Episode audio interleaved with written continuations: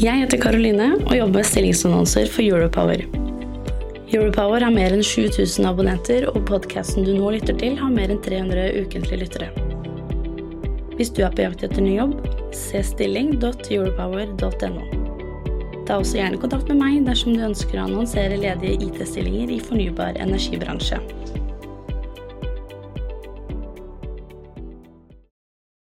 Du lytter til lyden fra en videosending med journalist Magnus Linjære i Europower. Hele sendingen kan du se på europower.no.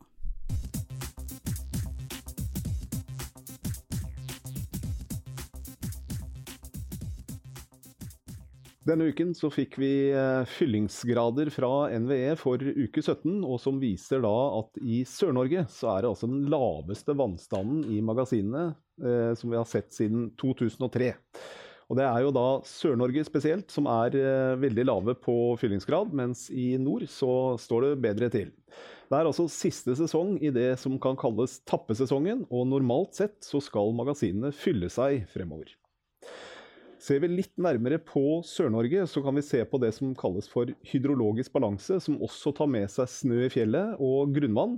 Og det viser også at det er et veldig stort underskudd i uh, hydrologisk balanse for Sør-Norge. Så totalt sett for Norden så er det en normal situasjon, men overskuddet ligger i nord, og underskuddet ligger i sør.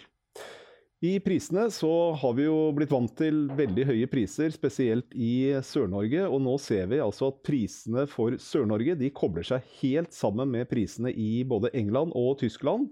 Og dette her er en eh, balansering som da sørger for å vri import-eksport i forhold til de områdene som har mest behov for kraft. I nord så er det altså et innestengt overskudd som ikke kommer ut, og her blir det altså om å gjøre å produsere mest mulig for at det ikke skal flomme over.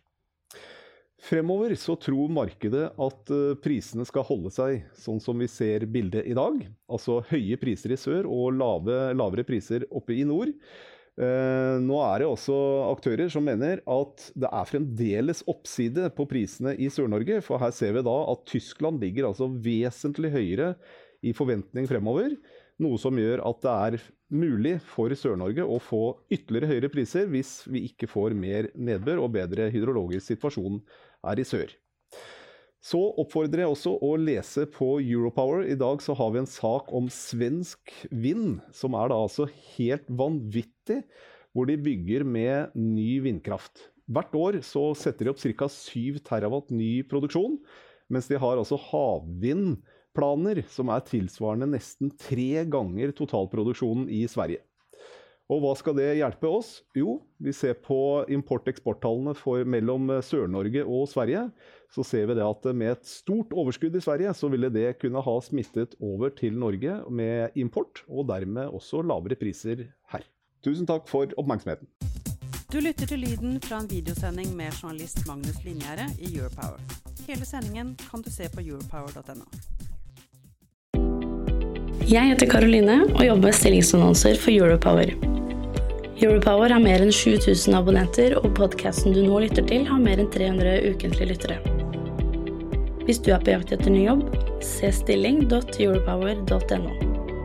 Ta også gjerne kontakt med meg dersom du ønsker å annonsere ledige IT-stillinger i fornybar energibransje.